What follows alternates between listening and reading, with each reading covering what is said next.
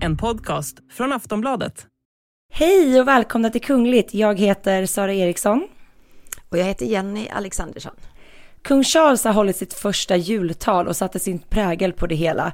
Men det är inte bara platsen och utförandet av talet som blir annorlunda. Vi ska prata om alla de förändringar som kungen nu genomför. Och så ska vi såklart prata om prins Andrew som blev inbjuden i den kungliga värmen igen. Och nu undrar ju många om det, är, om det här är första steget till någonting större. Ja, och vi ska även prata om ett brev som prinsessan Diana skrivit och som nu säljs för en hutlös summa. Och så ska vi även prata om kungens syster Birgitta som nu i en, ja, men en ny dokumentär bland annat berättar om det förlorade syskonet och relationen till sin pappa och även varför hon aldrig tror att hon mer kommer träffa sina systrar.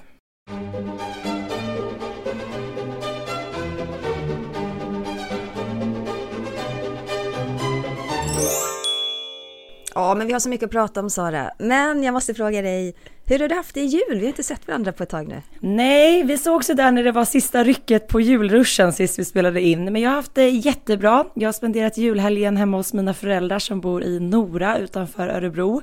Och eh, jag är faktiskt kvar här så att jag sitter just nu, vi spelar in på distans idag och jag sitter ute i bastun. Och I bastun? Hur ja. ser det ut då? Alltså sitter, sitter du på en av de här bänkarna liksom? Jajamän, jag har placerat mig på en av bänkarna i bastun och sen har jag liksom byggt ett litet kuddberg framför datorn, datorn för att det inte ska studsa för mycket ljud. För att jag känner inte att jag kan komma hem och eh, be hela familjen sitta tyst inne i deras hus, utan Nej. då fick det bli bastun. Och den är inte uppvärmd ska sägas, så det är ganska kyligt här. Hur har du haft det i jul, Jenny? Jo, men jättebra. Vi har firat med släktingar nere i Skåne. Supermysigt. Dock ingen snö, så som det brukar vara i Skåne. Eh, jag jag fick ju såklart en riktigt härlig bihåleinflammation. så oh. som det brukar vara när man är ledig och, och man liksom slappnar av och så då kommer sjukdomarna. Så om min röst är lite konstig så vet ni varför. Men jag slipper sitta i en kall dusch, eh, bastu i alla fall. En kall dusch. Jag, kall dusch vill vi inte heller ha. Men eh, när jag sitter faktiskt i mitt sovrum hemma och jag har familjen på andra sidan väggen, men de håller sig rätt lugna. Ja, vad skönt. Men vi får hoppas att du kryar på det. Det är så himla typiskt att man alltid ska bli sjuk när man väl går in i ledighetslunket. Ja, men jag tror att man har kört liksom stenhårt fram tills eh, det är dags för ledighet och så är det som att kroppen känner av att nej men vänta lite nu, nu slappnas det av här lite. Då kör vi igång, liten virusinfektion här. Du får liksom hälla i dig te och honung och allt vad man kan tänka sig för att boosta kroppen. Mm. Men även om vi Jag har en kopp här. Ja, det är bra. Även om vi har gått ner i det här julelunket så har det ändå hunnit hända en hel del i den kungliga världen, fast det bara var en vecka sedan vi hörde sist, eller hur? Ja, Ja, men ja. Alltså, vi, vi börjar i Sverige tycker jag. Ja, det gör För vi. att det är ju så här, deras, alltså svenska kungafamiljens jul startar ju faktiskt dagen före julafton. Inte med något julfirande utan med drottningens födelsedag. Och drottning Silvia hon fyllde ju 79 år i år. Vilket betyder att nästa år blir det ett riktigt jubileum för henne. Ja men det blir det ju verkligen. Och som vi pratade om i förra veckans avsnitt så är det ju som så att det är kungen som står värd för drottningens födelsedagsfirande varje år. Och då dukas ju en middag upp i ett nytt rum på Drottningholm. Det blir lite en, en del av överraskningen då i vilket rum som den här middagen ska äga rum. Och, och det, det finns ju 192 rum i det här slottet så att det blir ju mycket att välja på. Ja men verkligen. Och eh, i år så närvarade även kungen och drottningen vid en julkonsert i Drottningholms slottskyrka innan firandet. Och sen så sköts det ju även 21 salutskott eh, bland annat från Skeppsholmen och i Boden för att hylla drottningen. Men sen så blev det julafton och då var familjen faktiskt inte samlad utan den splittrades upp. Vi visste ju att prinsessa Madeleine hade kommit till Sverige med eh, Chris och alla barnen och skulle fira jul då med kungaparet. Men några dagar innan jul så var faktiskt drottning Silvia i Tyskland. För hon var med vid ett event med Childhood i Berlin. Och där gav hon en väldigt speciell intervju, Sara. Hon var ja. ganska privat där. Ja, men det, det gjorde hon verkligen. Hon berättade, drottningen berättade då för tyska tidningen Bild att eh, kronprinsessan och prins Carl Philip planerade att fira jul med sina svärföräldrar i år. Och då sa hon så här citat. Vi skulle gärna ha dem med oss men man måste vara rättvis. Det sa hon då till tidningen Bild. Och hovets informationssekreterare Johan Teger, han meddelade till Expressen att kungafamiljen skulle tillbringa ja, men jul tillsammans under juldagarna istället. Så, att, så, kanske inte, så kanske inte just julafton då, utan andra dagar? Precis, och det blir väl som för alla familjer tänker jag, att man får dela upp sig och köra lite varannan jul med svärföräldrar och sina egna. Mm. Och i den här intervjun då med tyska Bild så pratade drottning Silvia om sina åtta barnbarn. Och eh, hon sa så här att jag gillar att umgås med mina barnbarn. De är helt olika, de är snabba som vesslor och de säger roliga men logiska saker och jag bara älskar att lyssna på dem. Jag tror att hon är riktigt bra mormor och farmor. Ja, men det tror jag också. Det är någonting som drottning Silvia väldigt ofta återkommer till tycker jag. Att hon, hon pratar ju om sina barnbarn som livets efterrätt väldigt ofta. Och kul för kungafamiljen att även om de inte samlades på julafton att de fick umgås allesammans runt jul. Men då är det väl ändå så då att eh, kronprinsessan och eh, prins Daniel och barnen, de firade i Ockelbo. Och Carl Philip och Sofia-barnen, de firade kanske då i Dalarna? Ja, men det där skapade ändå lite förvirring, för vi visste ju att kronprinsessfamiljen skulle fira med prins Daniels föräldrar. Men på julaftonsmorgonen så möttes vi av bilder att eh, kronprinsessfamiljen fortfarande var hemma i Stockholm. Ja, för de besökte nämligen SL, alltså Stockholms lokaltrafik. Och de har en depå i Ulvsund utanför Stockholm och där är det ju väldigt mycket personal, alltså alla de som jobbar under julhelgerna Ja. De har väl sin bas där helt enkelt. Och eh, för, ja, men det här är något som de brukar göra. De brukar göra sådana här besök just på julafton. För förra året så besökte de Storstockholms brandförsvar. Året innan det så var det ju den här ambulansstationen i Stockholm city. Så att de har ju satt som tradition nu att ja, men hedra folk och uppmärksamma människor som ägnar hela julhelgen åt hårt jobb helt enkelt. Ja men precis och eh, jag tycker att det är väldigt fint att få ta del av de här bilderna och också att de tar sig den tiden för att visa sin uppskattning till personal som liksom jobbar med viktiga samhällsfunktioner. Så att eh, mm. det, är en, det är en bra tradition som kronprinsessfamiljen har infört tycker jag. Jag tänkte på det också, det är ju inte helt garanterat att eh, kronprinsessan att de var just i Ockelbo. Det kan ju vara också så att de firade jul på Haga. Ja. Att eh, Olle och Eva Westling och kanske Daniels syster kommer dit. Det, så kan det ju lika gärna vara. Så kan det vara. Det vet vi inte riktigt för det är lite för privat för att vi ska få reda på det. Mm. Mm. Men vi måste också prata om kungens jultal för att i år så sändes faktiskt hans femtionde jultal. Han höll sitt allra första 1972 och då var han ju bara kronprins än så länge. Mm. Och årets tal spelades in i prinsessan Sibyllas våning på Kungliga slottet i Stockholm och eh, det är ju faktiskt den våningen som är kungaparets representationsvåning på slottet. Och i årets tal så pratade kungen bland annat om kriget i Ukraina och så pratade han även om det kommande jubileumsåret för Sverige som väntar 2023. Och vi kan väl lyssna lite på vad kungen sa i sitt tal. Den ryska aggressionen mot Ukraina har slagit hårt mot byn. Vägen jag invigde vid statsbesöket har förstörts. Det är ont om elektricitet, vatten och, och bränsle. Och det, det känns tungt att tänka på det här.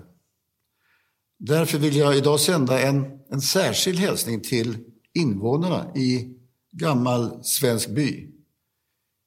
Mina och min familjs tankar är hos er och hos alla era landsmän. Jag tycker det är fint att han pratar om Ukraina och att han uppmärksammar det. Och just under jul. Eh, det finns ju otroligt mycket människor där som, eh, ja, som han säger, saknar el och vatten och, och mat. Och det finns ju också den här starka kopplingen då liksom till gammal svensk by där kungaparet också har varit. Mm.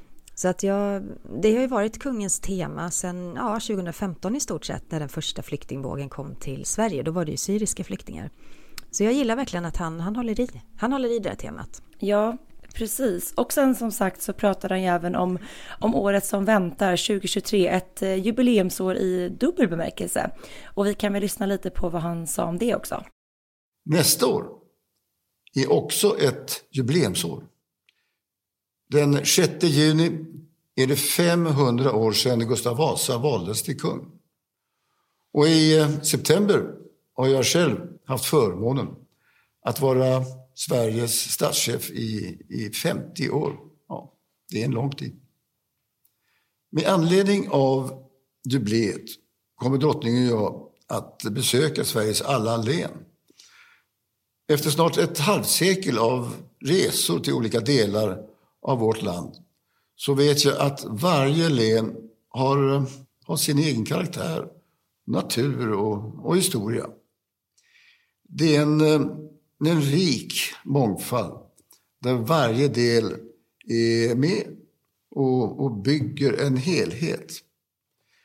Vi ser fram emot dessa besök och, och att få möta alla er, unga som gamla, runt om i landet. Ja, nästa år är ju verkligen ett jubileumsår och som kungen nämnde så är det ju så att den 6 juni så är det 500 år sedan som Gustav Vasa valdes till kung. Och i september så har ju kungen då varit statschef i 50 år. Så att det blir fest under hela året. Mm, kanske lite så som vi såg drottning Margrethe fira sitt jubileum förra året. Ja, precis. Det, det, det uppmärksammades att... ju lite här och där liksom. Ja, precis. De kanske har inspirerats lite där av hur danska drottningen har firat. Men vår kung höll sitt 50 jultal och det var ju faktiskt kung Charles allra första jultal. För att i 69 år så har ju hans mamma drottning Elizabeth talat till folket och samväldet på juldagen.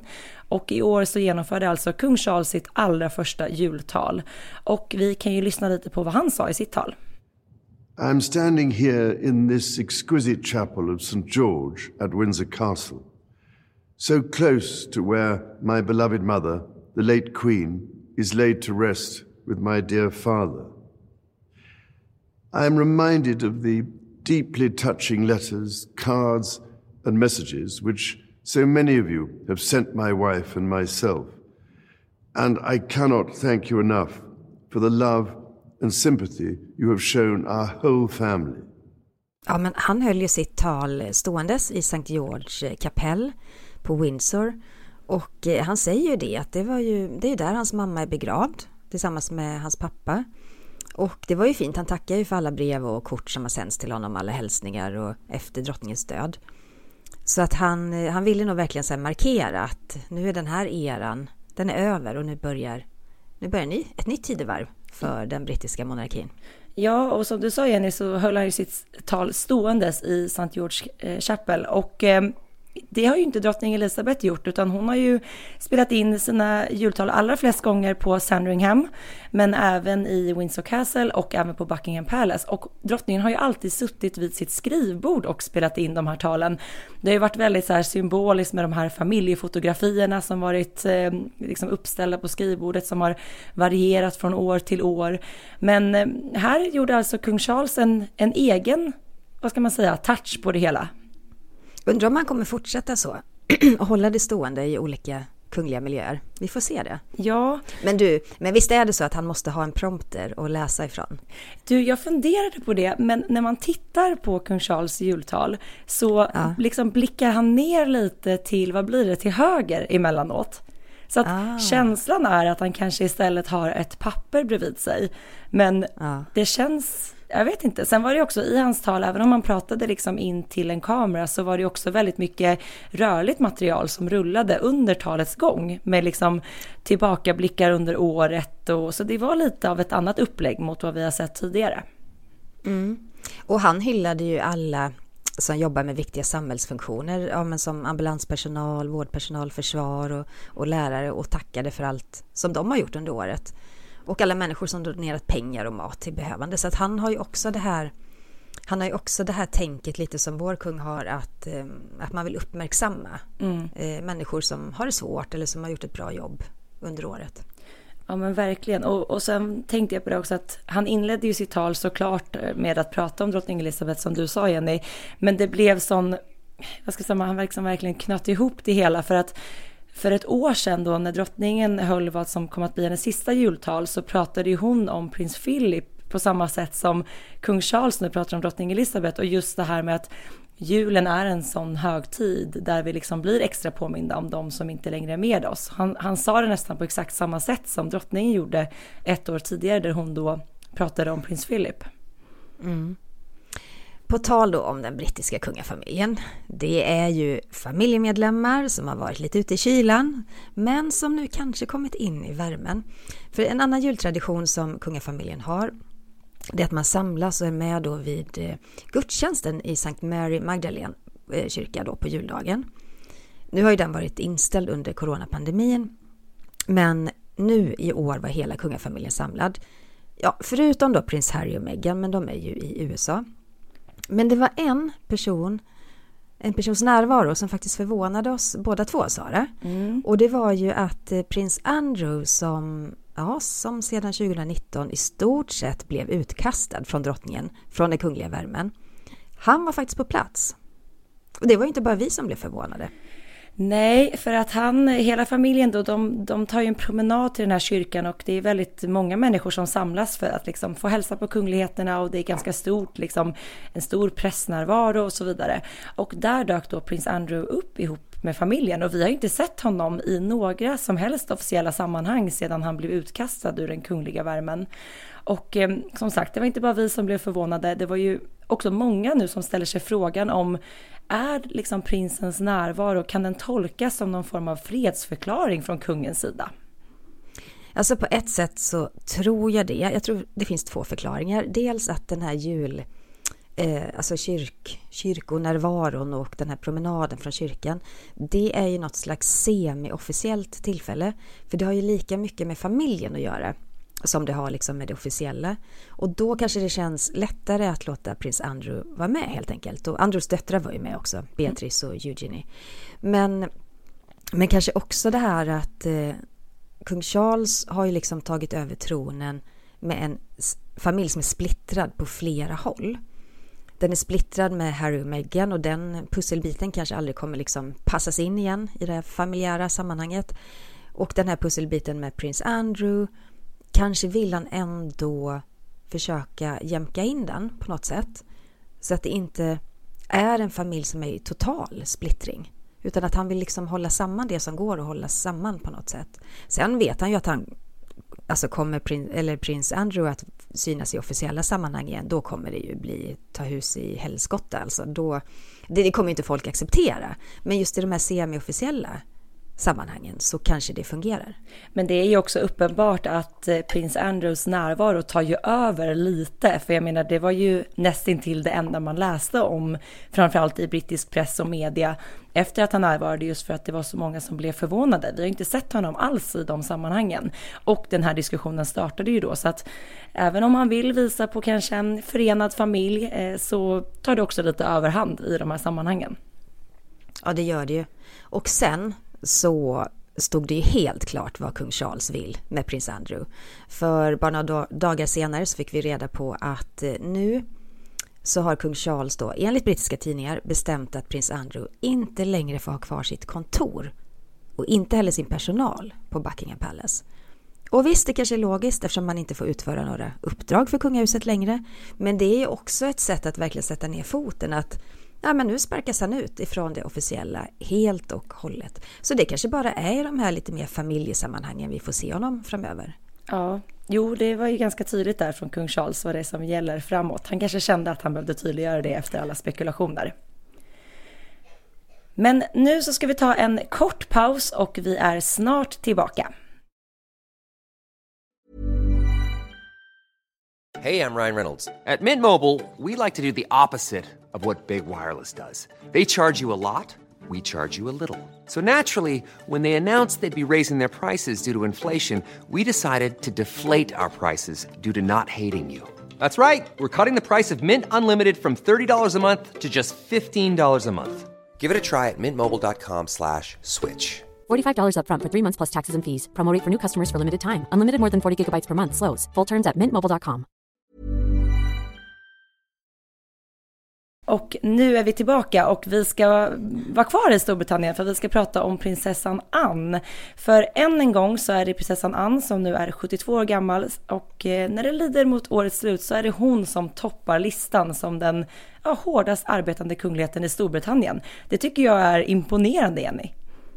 Ja, för det kan man ju se i det här kungliga programmet då att eh, prinsessan Anne har genomfört 214 kungliga evenemang under 2022 det är inte dåligt. Det är inte dåligt och eh, på andra plats då så kommer ju inte helt förvånande hennes bror som i september blev kung och som under året då genomfört 181 uppdrag och sen på tredje plats så ser vi prins Edward med 143 uppdrag.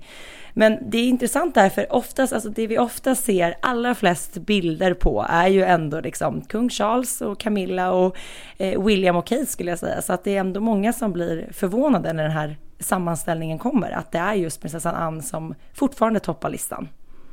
Ja, det är väl för att hela brittiska tabloidvärlden och, och kanske resten av världens press också är, tycker det är mer intressant med Kate och William och den nya kungen.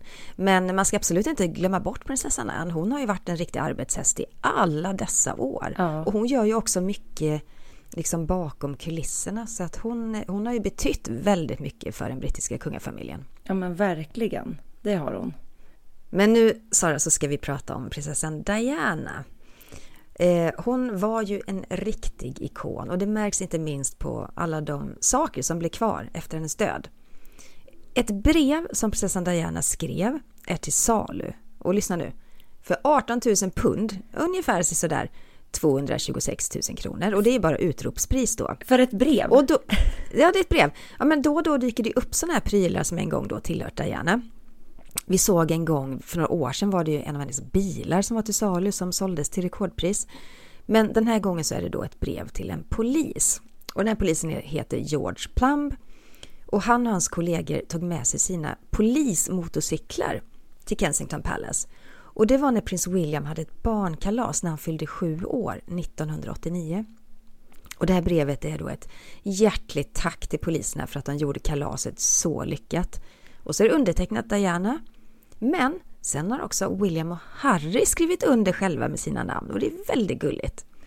För William han skriver som den skolpojke han är med jämna bokstäver. Men Harrys bokstäver de spretar lite åt alla håll. Men då får man komma ihåg att han var ju faktiskt bara fyra år när han skrev under det här brevet. Men okej, så det här brevet då har sparats av någon av de här poliserna som närvarade vid kalaset antar jag. Och sen nu är det någon som väljer att sälja det här. Ja, och kommer antagligen få en liten nätt förmögenhet för det. Det är helt galet. Men kanske, ja, men kanske också just att det är mer värt för att både William och Harry har skrivit under brevet också.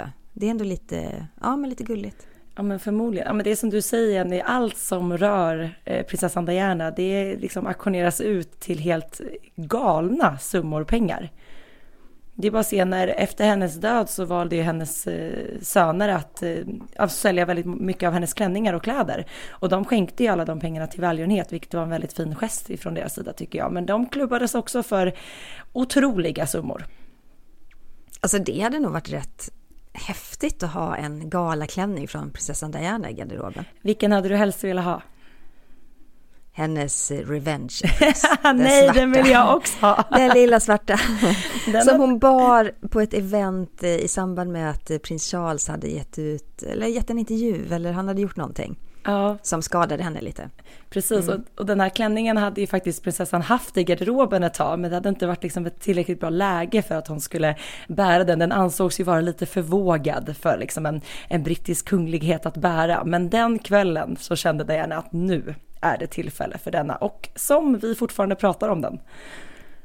Ja men Sara, du kan köpa den, så köper jag den här balklänningen som hon hade när hon dansade med John Travolta. Ja. Den är också lite cool. Perfekt, då har vi liksom galakläderna färdiga inför galaåret 2023. Ja. ja, vi körde på nyår vet du. Ja, precis. Men nu så ska vi prata om någonting helt annat för att eh, kungens stora syster prinsessan Birgitta som nu är 85 år, vi, vi ser eller hör ju inte så mycket av henne. Hon har ju levt utanför Sveriges gränser i nästan 60 år och idag så lever hon ett väldigt privat liv på Mallorca. Under coronavåren dock Jenny så såg vi henne faktiskt här i Sverige. Ja, men då, hon kom ju faktiskt över hit då och eh, hon bodde tillsammans med kungen och drottningen på Stenhammars slott. Så att de de liksom var i isolering tillsammans och det, det var säkert jättebra för att eh, det, kan, det var nog rätt tufft för Birgitta, det var ganska stränga regler i Spanien och sådär. Skönt för henne kanske ha lite sällskap under de månaderna. Eh, ja, och nu så har ju prinsessan Birgitta låtit sig intervjuas i SVTs dokumentär om hennes liv och den heter Sessan, en kunglig saga. Och dokumentären publicerades på SVT Play den 25 december och sänds på ettan torsdag 28 december klockan åtta om man vill titta på den där. Och eh, ja, men prinsessan Birgitta hon växte upp som en av fyra systrar som blev ja, men hela svenska folkets Hagasessor. Och i den här dokumentären så får man en väldigt unik inblick ifrån barndomen med bilder och filmer som ja, vi aldrig tidigare sett dem, de har aldrig tidigare visats. Och under då en timme så får tittarna följa med prinsessan Birgitta när hon blickar tillbaka med allt ifrån livet på Haga slott fram till att hon som 24-åring lämnade Sverige för Tyskland och sedan Spanien. Och som sagt, Birgitta hon blickar tillbaka på sitt liv med det här, ihop med det här unika arkivmaterialet som hon själv aldrig tidigare sett. Och eh, hon har ju emellanåt väldigt svårt att hålla tårarna tillbaka. Ja, jag såg ju, jag har sett halva dokumentären, såg den nu till frukost. Jag blir så glad av att se den. Man tycker ändå om prinsessan Birgitta. Hon är så färgstark och så, alltså stark personlighet. Och jag, jag ska faktiskt se klart den nu sen efter att vi har spelat in podden. Men, men Sara, du har ju sett hela. Vad tycker du? Ja, jag har sett hela dokumentären och jag tycker den är väldigt bra. Hon är ju väldigt öppen och ärlig i alla samtal med SVT-journalisten Jens Lind. När hon berättar om sin barndom och hur hon själv upplevde pappa arvprinsens tragiska död och ja, men de här drömmarna hon hade som ung och hur hon ja, men beundrar sin lillebror för hans arbete för svenska tronen. Och jag tycker också att den här dokumentären känns väldigt rätt i tiden och eh, den berör ju faktiskt de här samtalsämnen som vi inte bara hör i Sverige utan även i Storbritannien med Harry och Meghan och i Danmark med prins Joakims barn. Just det här hur det är att växa upp långt ifrån kronan och hur det påverkar kungligheterna. Just det här hur man ska forma sitt egna liv när man är lite halvkunglig kan man ju säga, att man inte riktigt vet var var livet ska leda och vad man har för plikter. Och här får man ju en unik inblick i hur Birgitta ville verkligen bort ifrån det kungliga strålkastarljuset och följa sina drömmar. Men... Och vi ska, inte, vi ska inte avslöja för mycket. Nej. för ni är nog många som vill se dokumentären. Men vi har valt ut några detaljer som vi gärna vill lyfta. Ja, Eh, bland annat så pratar ju prinsessan som sagt om barndomen och hur eh, de, trots att de var så små, verkligen uppfattade hur mycket familjen och svenska folket längtade och hoppades på att en, en arvprins skulle födas. Det var ju fortfarande då manlig tronföljd som gällde. Och eh, Birgitta berättar att eh, prinsessa Margareta då, som hennes stora syster, född 1934 och Birgitta själv då född 37 och Desiree 38 föddes hon. De blev ju snabbt de här stora barnen i familjen och att de liksom fick ta ganska mycket mer ansvar än då lilla syster prinsessan Kristina född 1943 och då prins Carl Gustav född 1946. Hon pratar ju mycket om att så här att det var de stora barnen och det var de små barnen och det visas väldigt mycket klipp där man ser hur, hur stora systrarna tog hand om de här mindre. Det är fina, fina bilder och klipp som visas genom hela dokumentären. Och sen så avslöjas någonting som man faktiskt inte har känt till överhuvudtaget. Men Birgitta hon berättar varför det blev ett glapp mellan henne och stora syster Margareta på tre och ett halvt år. Och vi lyssnar på vad Birgitta berättar. Skiljer det två år mellan dig och Margareta? Tre och ett halvt år. Ja, mamma förlorade ett barn mellan oss, därför det var lite längre. Alltså, gjorde hon det? Ja. Hon förlorade ett barn mellan... Ja. Man pratade inte om sånt och då fick man inte reda på det helt enkelt. Om ödet velat annorlunda, om allt hade gått bra, kunde det varit en liten kronprins. Istället en sorg och en hemlighet. Ja, det här är ju väldigt eh, det är väldigt speciellt. På den här tiden pratade man ju inte om sådana här saker. Och det säger ju Birgitta också i, i den här dokumentären att det, det, det, var inte ens ett samtalsämne man hade överhuvudtaget. Och det är därför ingen riktigt har känt till det heller. Men jag menar, i, idag är ju inte det här någonting kontroversiellt, att man får ett missfall eller på något sätt eh, inte fullföljer en graviditet. Så att det det säger rätt mycket om den tiden hon växte upp i, tycker jag. Ja, men också intressant som hon själv reflekterar över just att eh, om det skulle ha varit så att det hade fötts en, en prins emellan henne och Margareta, hur mycket annorlunda allting hade sett ut förmodligen. Eh, det är någonting som hon också reflekterar eh, om och tänker mycket kring. Mm. Men sen pratar hon ju också mycket om sin pappa, eh, prins Gustav Adolf. Och jag tycker vi lyssnar lite på vad hon säger om honom där också. En gullig pappa måste jag säga, fantastisk. Han har gjort så starkt intryck på mig, jag vet inte varför. Men jag tänker varje dag på honom, fortfarande. Förstod du att han var ämnad att bli kungen då? Nej, ingen aning. Ja, hon pratar ju genomgående genom hela dokumentären om att han har gjort ett väldigt starkt intryck på henne och att hon fortfarande tänker på sin pappa varje dag.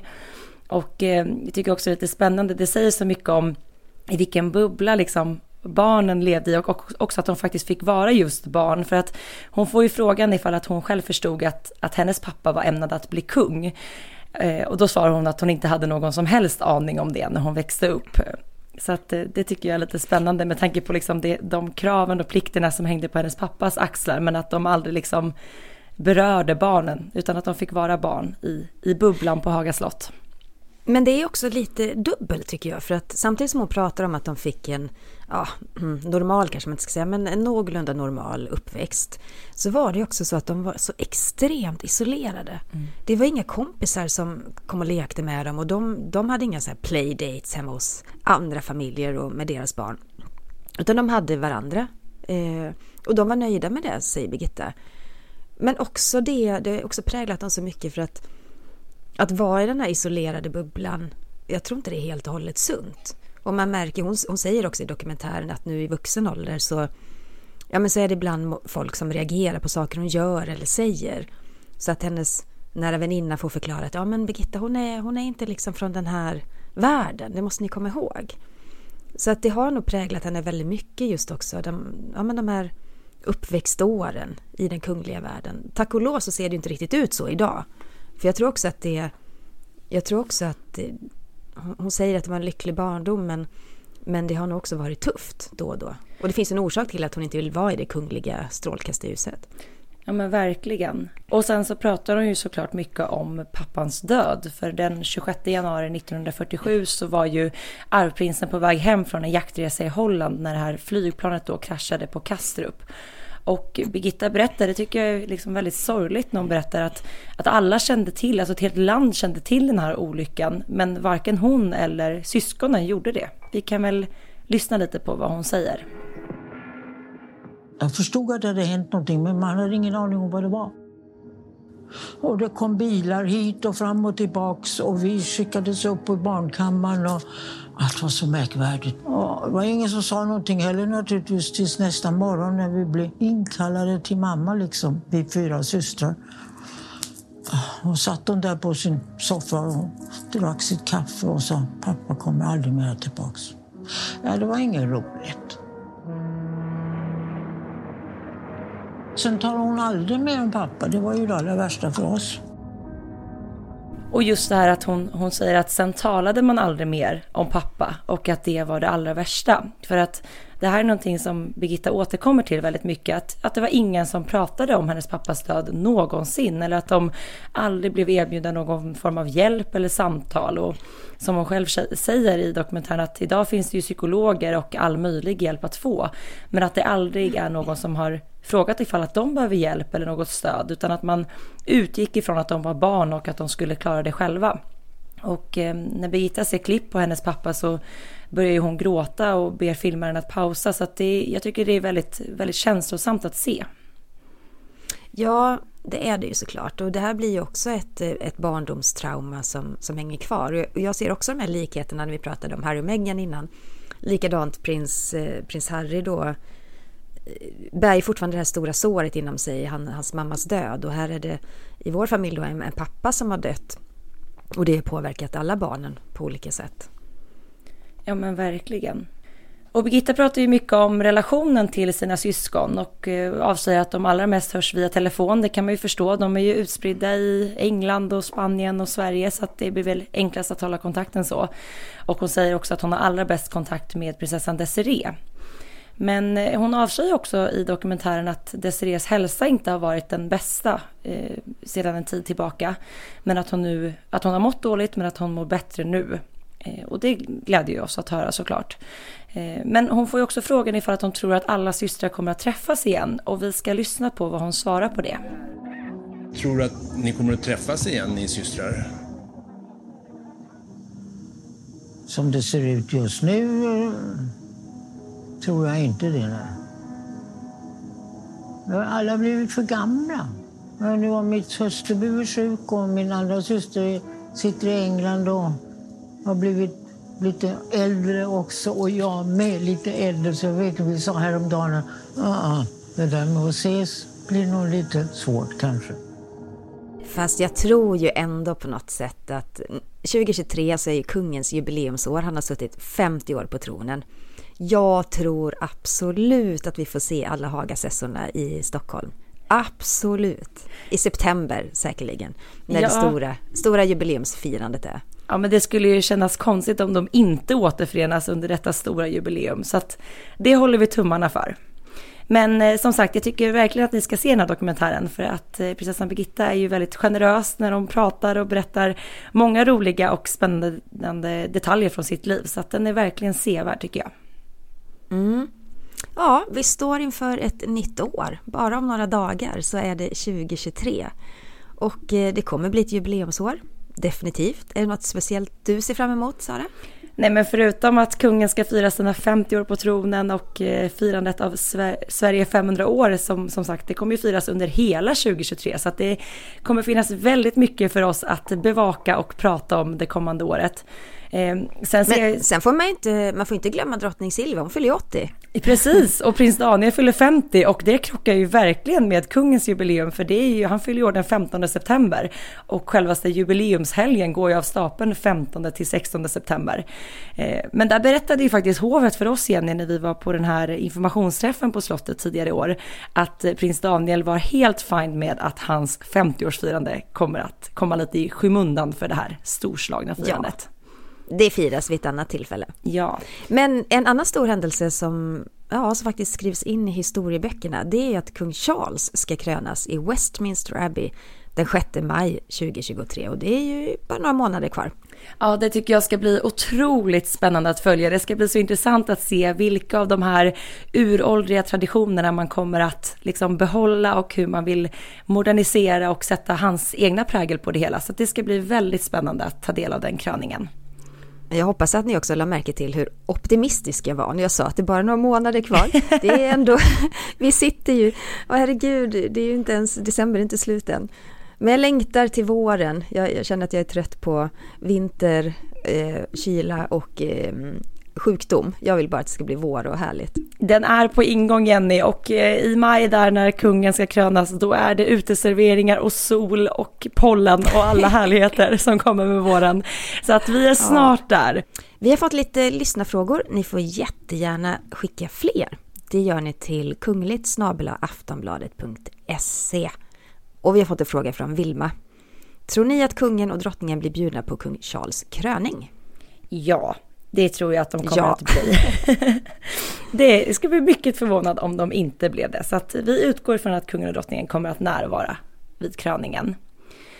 Eh, Vi har även fått en fråga ifrån Lina-Marie som skriver så här. Finns det någon återvändo för Harry och Meghan att kunna bli en del av kungahuset igen? Här säger jag nej. De har ju tagit ett sånt eh, alltså verkligen slutgiltigt beslut. De vill inte vara en del av kungahuset. De vill ju själva inte vara där. Eh, och jag tror inte att kungafamiljen släpper in dem i värmen igen på det viset. Det har hänt alldeles för mycket. Samtidigt är det så här att ja, tiden är en kunglighets bästa vän. Det kan rinna mycket vatten mellan broarna. Men just nu är svaret definitivt nej. Det finns ingen återvändo utan de har tagit sitt beslut och kungafamiljen, eh, nah, nej. Svar nej.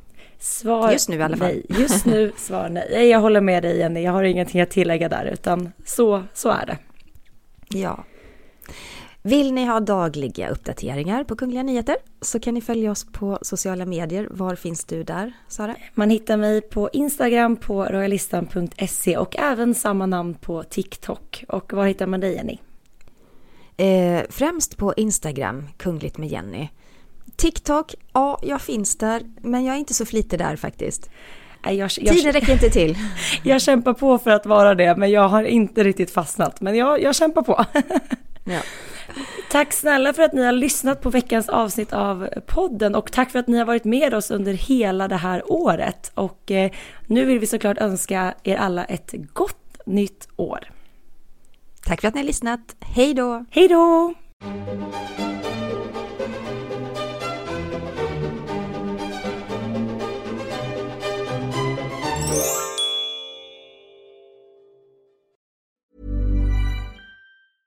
Ryan Reynolds here from Mint Mobile. With the price of just about everything going up during inflation, we thought we'd bring our prices down. So to help us, we brought in a reverse auctioneer, which is apparently a thing.